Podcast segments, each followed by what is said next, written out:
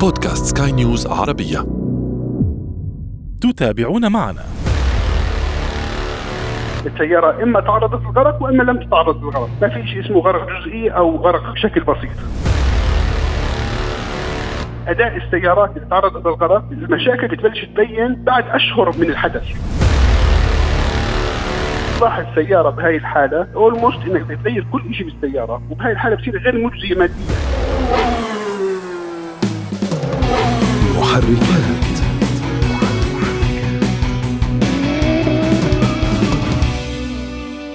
المركبات الغارقة كابوس المركبات المستوردة. وموقف يمكن أن يهدد مركبتك أنت أيضا أحيانا. اليوم دعونا نتعرف كيف التصرف في مثل هذه الحالات.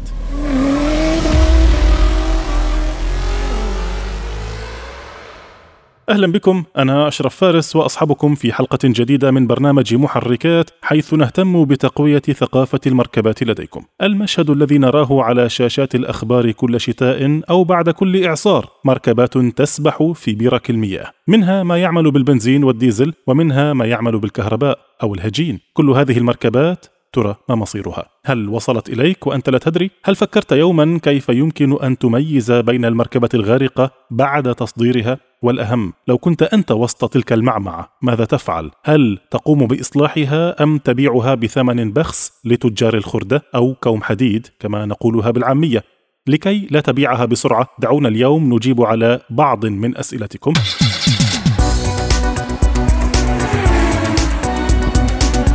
نستضيف معنا اليوم من العاصمة الأردنية عمان السيد هاشم حسن مدير تطوير الأعمال لشركة كارسير لتقارير تاريخ المركبات. أهلا بك سيد هاشم. أهلا أخي أشرف. أهلا بك. حياك الله. سيد هاشم السيارة الغارقة أكثر ما يخافه من يشتري سيارة مستعملة ومستوردة. كيف أعرف أنا السيارة الغارقة عند الشراء؟ ابدأ معي بأبسط العلامات. إن شاء الله. أول شيء بشكرك اخ أشرف على هذه الاستضافه برحب فيك وبرحب بالاخوه المستمعين. حياك الله. آه، لا شك إنه موضوع السيارات الغارقة هي يعني مشكلة عالمية ليست على صعيد منطقتنا العربية بل على صعيد العالم بشكل عام. آه، الموضوع ببساطة إنه كثير من الدول مصدر السيارات المستعملة والدول العالم الأول مصدرة لهذه المركبات. طبيعتها الجغرافية توقع على مناطق معرضة للفيضانات وللأعاصير. يعني بنذكر من اهمها هي الولايات المتحدة الأمريكية وكوريا الجنوبية. طبيعه طبيعة هذه المناطق هي معرضة بشكل سنوي لأعاصير ولفيضانات بحيث إنه آه، بيكون مئات آلاف السيارات معرضة لحوادث الغرق. م. هلأ نحكي شو يعني سيارة غرق آه، تعرضت للغرق؟ م. السيارة تعرضت للغرق هي سيارة آه، تعرض غرفة المحرك للغمر بالمياه. للغمر تعريف للغمر حتى أعلى المحرك نعم تمام. ال- ال- التعريف الرسمي للفلادد كار أو سيارة تعرض للغرق انه غرفة المحرك كاملة تعرضت للغرق. إحنا بنسمع من كثير مصادر من كثير جهات بتحكي إنه في غرق جزئي وغرق كلي ونسبة الغرق هذا الحكي إحنا ما شفناه على أرض الواقع ابدا. م. السيارة إما تعرضت للغرق وإما لم تتعرض للغرق. ما في شيء اسمه غرق جزئي أو أو غرق يعني بشكل بسيط. مم. سوف أعود معك صراحة لهذه النقطة. يعني هناك بعض من من التجار تحديدا من يعارضك في هذه النقطة. لكن واحدة صحيح. واحدة أكمل كلامك. نعم. فهون عرفنا شو معنى السيارة تعرضت للغرق وعشان نحكي بطريقة شوي أوضح ال- المنطق إنه سيارة تعرضت للغرق هي سيارة قام شركة التأمين بدفع ثمنها لصاحبها. بمعنى إنه لا يمكن تكون شركة التأمين دفعت ثمن سيارة لصاحبها وتعويضه بشكل كامل مقابل سيارة ما مالها شيء أو سيارة مش خربانة أو الغرق تبعها ما بيأثر عليها.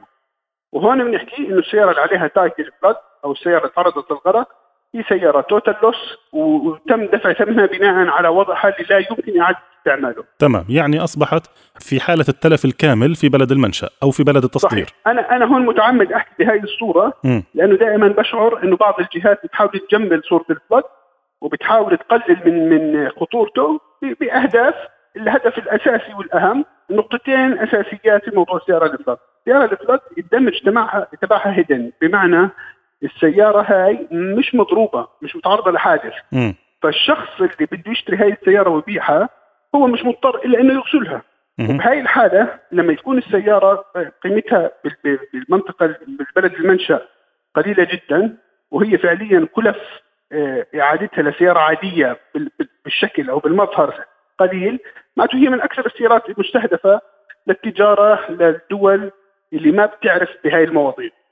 امم تمام. فطبيعة هاي المركبة هي مجزية ماديا للأشخاص اللي بيكون موضوع الإفلات مش من ضمن الأمور المتعارف عليها بمنطقته تمام. يعني أنت أنت قلت يعني مش مطلوب منه غير إنه يغسلها. طبعا هذا في حال السيارة كانت تعمل لكن غالبا سيارات الغرقانة لا تعمل. والله شوف تعمل ولا تعمل يعني بالأخير هاي مي.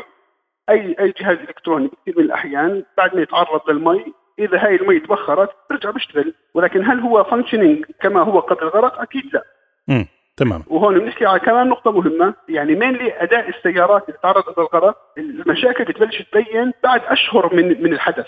م. يعني لما الأسلاك تتكلس لما الكمبيوترات بتخرب ببلش ال- ال- الاسلاك يصير فيها فصل نتيجة الصدى أو نتيجة ال- المادة الكربونية اللي بتكون على الأسلاك.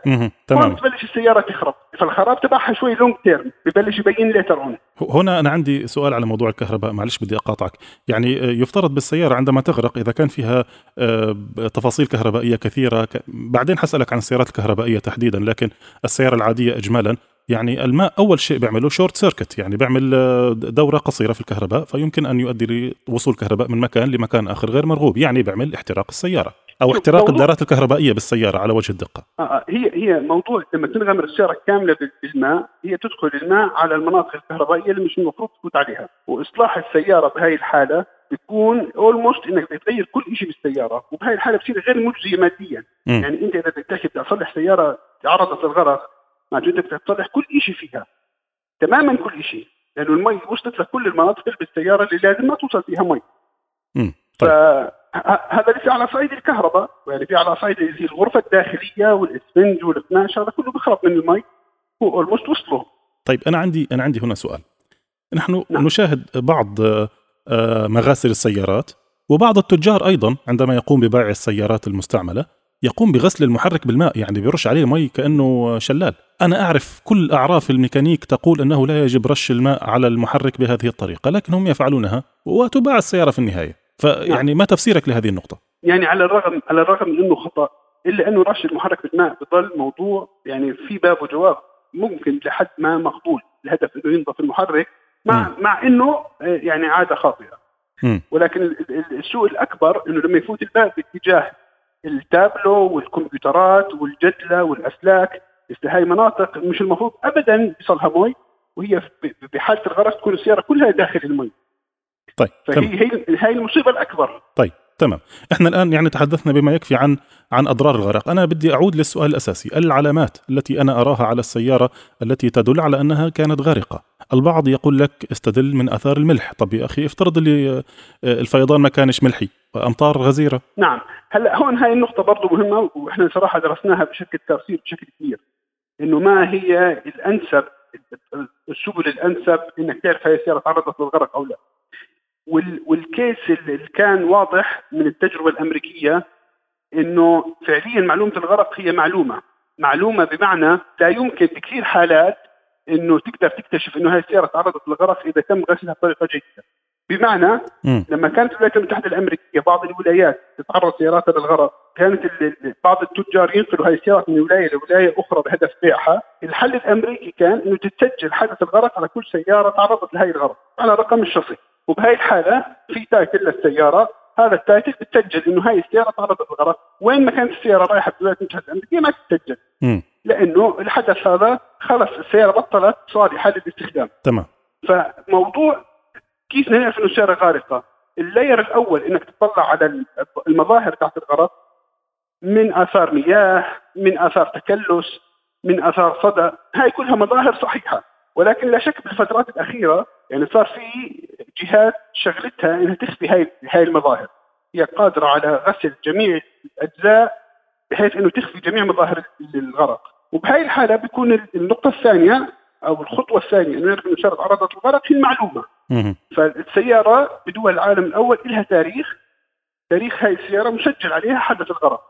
إحنا بكارسير شابكين على هاي المصادر الرسمية سواء بالحكومة الأمريكية أو الكورية عشان نحدد إنه هاي السيارة تعرضت للغرق أو لا قبل تسجيلها تمام يعني الخلاصة هنا الأفضل من محاولات التحري بما انه التحري يمكن آه، إخفاؤه بطريقة أو بأخرى، الأفضل هو متابعة تاريخ السيارة صح؟ نعم صحيح 100% طيب جميل، أنت أنا بدي أعود لك للبداية، أنت في البداية قلت آه، حددت آه، أمريكا ودول آسيوية من ضمنها كوريا، لكن أنا برضو عندي إضافة هنا. يعني ألمانيا شهدنا فيضانات في ألمانيا وشهدنا من السيارات. في الأخبار شفناها السيارات كلها راحت سالفج. كلها راحت فلود تمام؟ نعم. الآن أنا بستورد سيارة من من بلد غير أمريكا بحكم إنه أمريكا عليها مثلا نظام قوي. أنا مستوردها من ألمانيا مستوردها من من أي دولة أوروبية أخرى.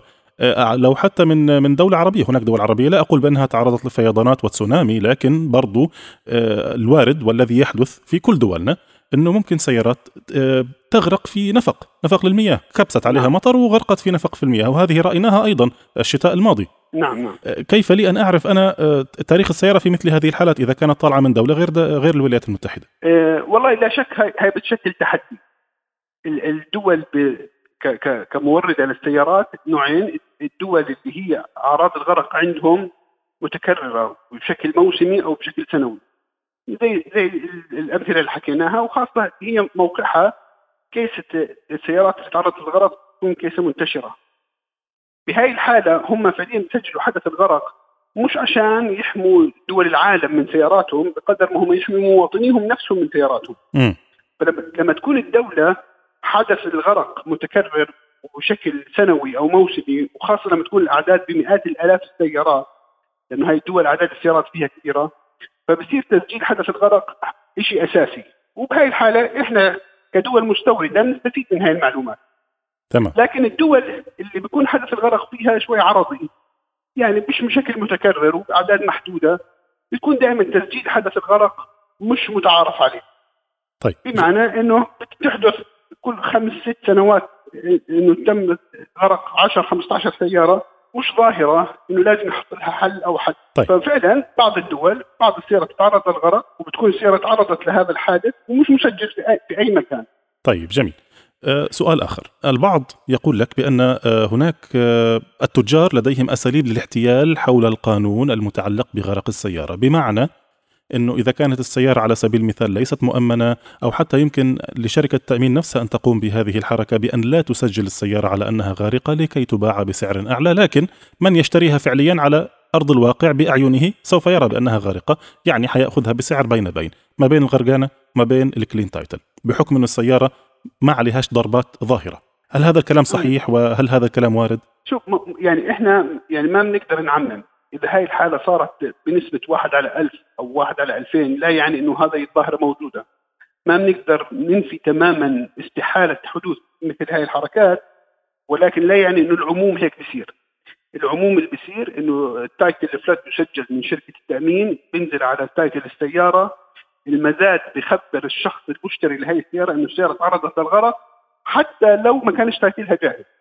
يعني في كثير سيارات على ال title السياره clean title ما عليها أي damage ولكن المزاد باعها ومعرف إنه في عليها damage flood وبهاي الحالة اللي شرى السياره هو عارف بهذا الحدث. م. فموضوع في تلاعبات والأمور مش واضحة الأمور 99% واضحة.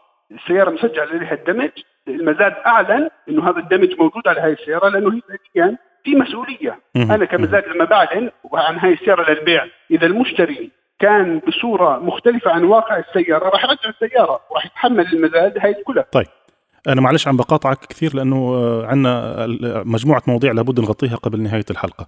آه، نعم. الغرق الجزئي أنت قلت في بداية حديثك بأنه ليس هناك غرق جزئي لكن أنا سوف أتيك بما يقوله التجار هنا وصلح أنت علي إذا كنت أنا مخطئا. يقول نعم. لك بأنه يشاهدون أين مستوى المياه يعني ينظرون في المقصورة الداخلية ويشوفوا مستوى المياه والله إذا مستوى المياه واصل عند القدم عند قدم السائق آه، عند أعلى قدم السائق من شوي يقولون لك لا هاي السيارة ما غرقتش غرق كلي لسه المية ما وصلتش لم تغطي آه، رأس المحرك رأس الموتور أو الهيد تبع المحرك فبالتالي نعم. هذه يعني ما زالت في حالة جيدة ما رأيك أنت؟ آه، أشرف هون أنا بدي أنوه السيارات اللي تعرضت للغرق هي موضوع متعارف عليه من سنوات. وتم إجراء اللازم من قبل دول المنطقة بالمعظم إيه، حطت قوانين واضحة لاستثناء هاي المركبات. إن نحكي عن التجربة الإماراتية إحنا كشركة كارسير إيه، طبقنا نظام مع هيئة المواصفات والمقاييس الإماراتية بمنع سبعة تايتل من المركبات. ال titles الأمريكية تقريبا 34 title في سبعة منهم ممنوع يتجمركوا أو يتسجلوا بالإمارات العربية المتحدة. وهذول السبعة كان واحد منهم ال flood card فالسبعة title ما في ولا واحد منهم شيء اسمه partial flood هو إما flood وإما مش flood هذا كيف بتسجل؟ طب كيف بتسجل في المزاد هناك؟ إذا سيارة كانت فعليا على أرض الواقع partial flood يعني غرق جزئي هل بيسجلوها على أنها غارقة بشكل كامل أم يسجلوها بأنها لا؟ يعني بكل الحالات لا يوجد كلمة اسمها partial flood ما في. السيارة اذا المية لتحت وزي ما بيشرحوا بعض الناس معناته أنت ممكن تمشي ببركه مي تصير هاي الحالة. مش معناته تتصل شركه التامين تدفع لك ثمن السيارة. سيارة ال flood هي سيارة متضررة بشكل لا يمكن إعادة إصلاحها وشركة التأمين واجب عليها تعويض صاحب المركبة. تمام يعني ال flood هو حاله حالة أعتقد يعني هي لتجميل الصورة أو لتخفيفها ولكن هي غير موجودة على أرض الواقع. طيب يعني أنا أستنتج من كلامك مرة أخرى بأنه طالما السيارة أو المركبة موجودة في مزاد فهي غالبا طالما أنها جاءت عن طريق شركة التأمين فقد سجلت على أنها خسارة كاملة. هيك إحنا صح؟ هلا هلا هلا عشان هون نشرح سريعا م. شو معنى ال titles. هلا إما السيارة ما عليها أي damage على هذا ال title وإما عليها واحد من ال damage اللي حكينا عنها ال 34 الموجودات ففي 34 title آه إذا السيارة انحط عليها هاي ال title بيكون معرف حالة ال damage على هاي المركبة. مم. السيارات بتنعرض على المزاد إما من مواطنين أو اما من تجار وإما من شركات تأمين. ال damage اللي محطوط على هاي السيارة هو اللي بيحدد آه، موقع هاي السيارة قبل ما بيعها معظم تجارنا لما بفوتوا على المزاد بيكونوا عارفين تماما قبل ما يشتروا السيارة عن واقعها. آه هاي ال titles إذا كان مثلا salvage، salvage لا يعني إنه السيارة ممنوع تمشي على الشارع. أو لا يعني إنه السياره ممنوع تستخدم، يمكن استخدامها ولكن بدها صيانة، بدها تصليح. تصليحها أو صيانتها بيشكل أكثر من 60% بحقها من ثمنها من السوق الأمريكي، وبهاي الحالة تكون غير مجدية ماديا لتصليحها بالسوق الأمريكي، فبتطلع بمناطقنا بتكون صيانتها أقل وبهاي الحالة ممكن استخدامها. طيب جميل ضل عندك شيء في هاي النقطة؟ يعني بعض المركبات آه. بكون في عليها titles لا يمكن إعادة تصليحها مثل ال flood ومثل ال junk مثل ال dismantled هي كلها title مش المفارقة. استخدامها هو الكلف بقدر ما هو الأمان. السيارة مش آمنة إنك تستخدمها. ومنها titles ال flood هي جزء من ال titles اللي لا يمكن إعادة من طيب في الدقيقتين أو ثلاث دقائق الأخرانيات. آه، ما تأثير الغرق على المركبات الكهربائية؟ أنا أتحدث سواء كانت المركبة تم شرائها من مزاد أو أنا كمالك مركبة مركبتي الكهربائية أو ال hybrid كمان. علقت في نفق وفي ذلك النفق تعرضت أنا للغرق فجأة بدون سابق إنذار. تحدث وقد حدثت. كيف أتصرف؟ وما قيمة التلفيات أو مجموع التلفيات على السيارة الكهربائية؟ هل هي قابلة للإصلاح أم انتهى بها المطاف إلى سوق الخردة؟ والله أنا أنا أعتقد أنه بهذه الحالات يعني رقم واحد الأساس إنه سلامة الشخص وسلامة صاحب المركبة. فالأهم بهاي النقط إنه الشخص يترك المركبة بالمكان اللي هي موجودة فيه خوفا على سلامته. بعد بعد هذا الموضوع دائما يفضل الرجوع لوكالة الصنف لهي السيارة. السيارات أنواع البطاريات متعددة هندسة الكهرباء في السيارة متعددة. فمقدار التلف مقدار الصيانه إمكانية الصيانة هاي كلها ترجع لوكيل الصنف. فكل كل سيارة لها حالة خاصة. ولا شك إن وجود البطاريات في السيارات الكهربائية بعقد المشكلة أكثر وبزيد الخطورة. ولكن الفاصل بالموضوع بيكون وكيل الصنف فهو إما بقدر صيانتها وإما بقدر إنه إتلافها. طيب تمام. هنا بيت القصيد بأنه الكثير من السيارات هذه تكون مستعملة وقديمة وأصحابها يعني لا يأخذونها إلى الوكالات بهدف الصيانة، قد يعني يكون سعر الوكالة مرتفعا على صاحب مركبة آه، عمرها عشر سنوات، يعني الآن موجودة سيارات هايبرد عمرها عشر سنوات وأكثر وتمشي في الأسواق تماما يعني شغالة وما فيها شيء. طيب هل من كلمة أخيرة تود توجيهها في نهاية الحلقة؟ بالاخير يعني بحب أحكي بنقطة أساسية، واحدة من أهم النقاط نطلع عليها دائما بعد يعني سيارة الاقتصاد هي سيارة مش مضروبة. فالناس بتعتقد بما إنه السيارة مش مضروبة وما عليها أي حادث معناته السيارة كويسة. الشيء الأهم بالسيارة؟ إنه يعني الله يحمي الجميع ولكن ساعة موقف حادث أو غيره لازم يكون كل الكمبيوترات شغالة بطريقة صحيحة ووسائل الهوائية عشان تحمي السائق. فإذا كانت هاي السيارة ما بتعمل بشكل صحيح ممكن يكون في خطر على على على سلامه السائق نفسه لأنه كل أنظمة الأمان ما راح تشتغل بالطريقة المفروض تشتغل عليها. وهذا موضوع أكثر أهمية من إنه السياره كم ثمنها رخيصة أو غالية. تماما تماما. على كل حال أنا أشكرك آه، جزيل الشكر. وضحت لنا الكثير من النقاط آه، في هذا الموضوع. شكرا لك سيد هاشم. شكرا جزيلا لك. شكرا شكرا لك شكرا لك. إذا كان ذلك السيد هاشم حسن مدير تطوير الأعمال في شركة كار سير لتقارير المركبات. محركات